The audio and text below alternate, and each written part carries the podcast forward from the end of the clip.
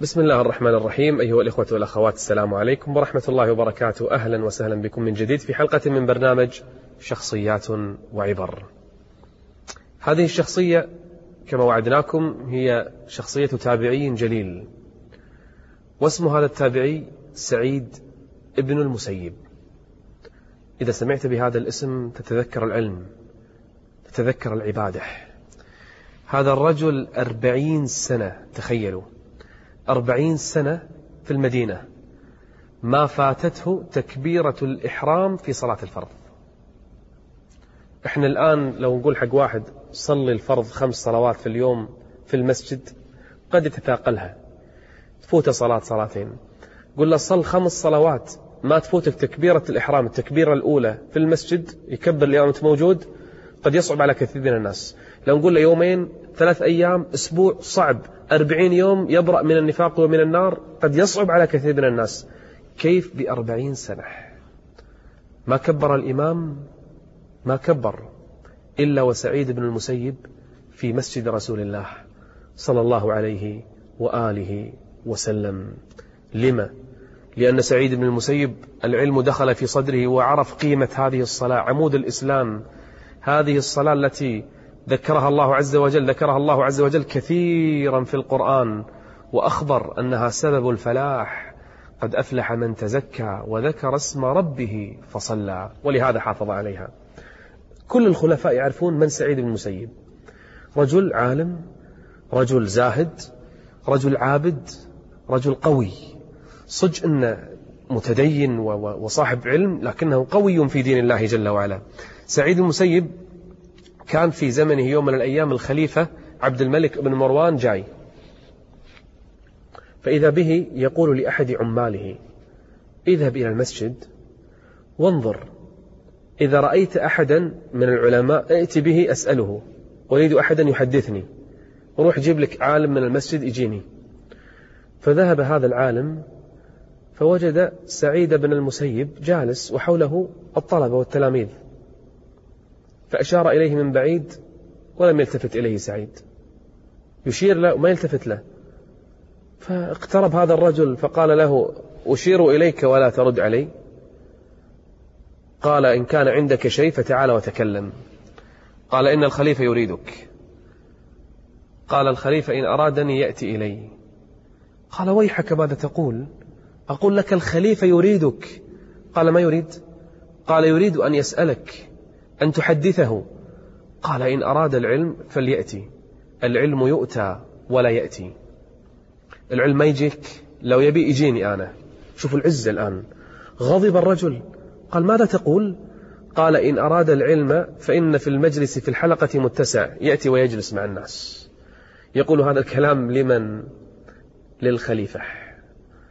شوفوا هذا الكلام. أنا ودي هذه الرسالة تصل لبعض الناس. الذين يشترون بآيات الله ثمنا قليلا. شوفوا سعيد المسيب يقول. طلع هذا الرجل غاضب. ذهب وين؟ راح حق الخليفة عبد الملك بن مروان. قال جئت رجلا. فقال كذا وكذا وكذا. فقال الخليفة قال أظنك لم تأت إلا سعيد بن المسيب. قال نعم إنه سعيد المسيب. قال ويحك لما ذهبت إليه. ليش رحت عند هذا؟ قال لم يكن غيره. قال دعه. الخليفة نفسه يحسب له ألف حساب. ليش؟ علم في صدره. قوة. مو قضية والله علم أبيع فيه وأشتري أو آكل فيه. لا هذا العلم تدين به لله عز وجل. وهذا العلم احتسبه عند الله. الخليفة خطب ابنة سعيد المسيب لابنه الوليد ابن عبد الملك. فما رضي. تخيلوا سعيد المسيب عنده بنت بنت صالحة. أرادها الخليفة لولده فما قبل. شوفوا بعض الناس اليوم اللي زج بنته زج عند أي واحد بس علشان اسمه علشان سمعته علشان أصله وفصله.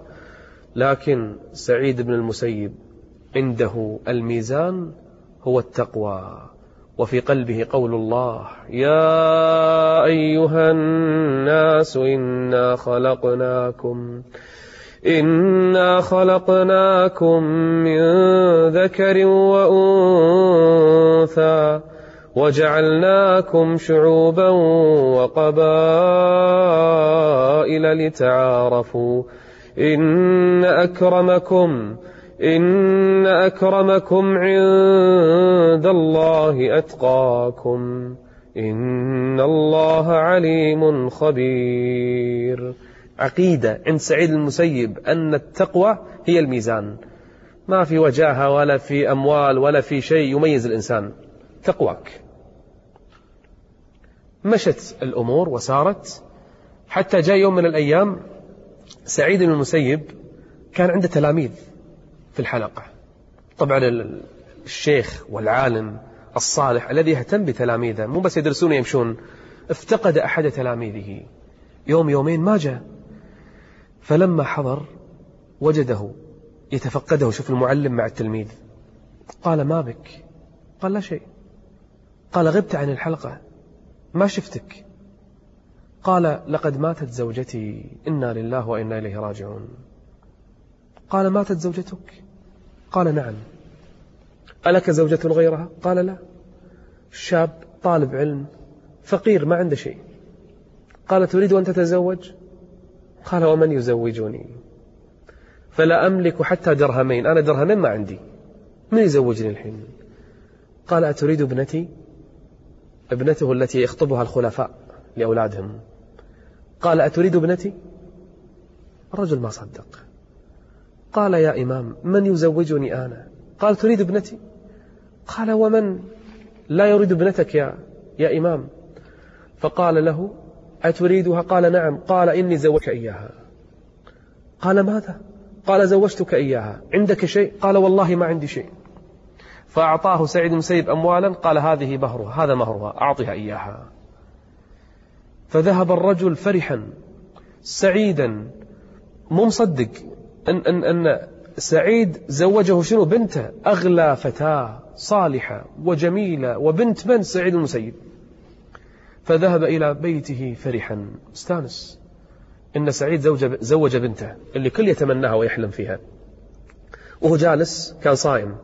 وهو جالس قاعد يفكر من وين الآن أصرف عليها. هذه مو أي وحدة هذه بنت سعيد المسيب فجالس الآن قاعد يفكر يفكر الآن حاط له الفطور كان صائم الشاب. مجهز الفطور شنو زيت وخبز بس هذا فطوره. رجل فقير. طرق الباب رجل. قام هذا يبي يسأل من في الباب؟ قال سعيد.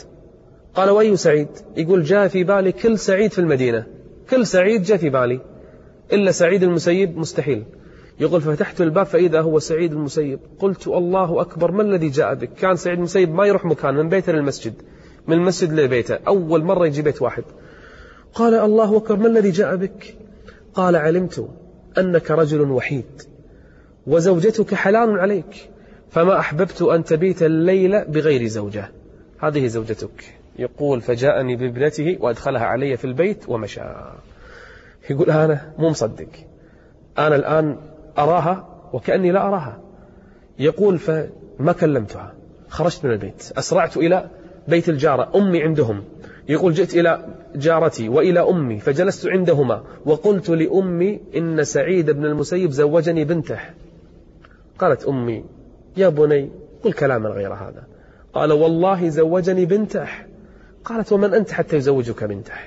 من أنت؟ قال والله زوجني بنته وهي عندي الآن في البيت. قالت أجننت قال تعالي. فجاءت أمه ودخلت البيت وشافت شنو؟ بنت سعيد المسيب. طبعا الأم ما صدقت. بنفس اليوم وتزوج ويزوجك وزوجك بنته. فقالت الأم والله حرام عليك أن تمسها ثلاث أيام ما تجسها فأخذتها الأم عندها ثلاثة أيام تجهزها ثم دفعتها إليه. أي أسرة هذه؟ بعد كم يوم يقول هذا الرجل تزوج صهر سعيد مسيب يقول شفته بعد كم يوم وأنا مستحي أطالعه مستحي أشوفه. فقال لي كيف صاحبكم؟ الآن سعيد يسأل هذا الرجل كيف صاحبكم؟ يعني كيف زوجتك؟ قال هي بخير ما تكون عليه. يقول فأخرج لي ألف درهم وأعطني إياها. قال هذه لك تقوى بها مع زوجتك. يعني ابدأ حياة جديدة أنت وزوجتك. من يفعلها؟ من يصنعها؟ درهمين مهر ابنته. ويعطي زوج ابنته ألف درهم. يمنع ابنته عن أبناء الخلفاء ويعطيها رجلا فقيرا. لأن سعيد يهتم لدين ابنته ولخلق ابنته. إذا جاءكم من ترضون دينه وخلقه فزوجوه. القضية ليست وجاهة وليست مناصب. وليست أموال بل القضية دين وخلق. هذا الذي فعله التابعي الجليل سعيد ابن المسيب رحمه الله ورضي الله عنه.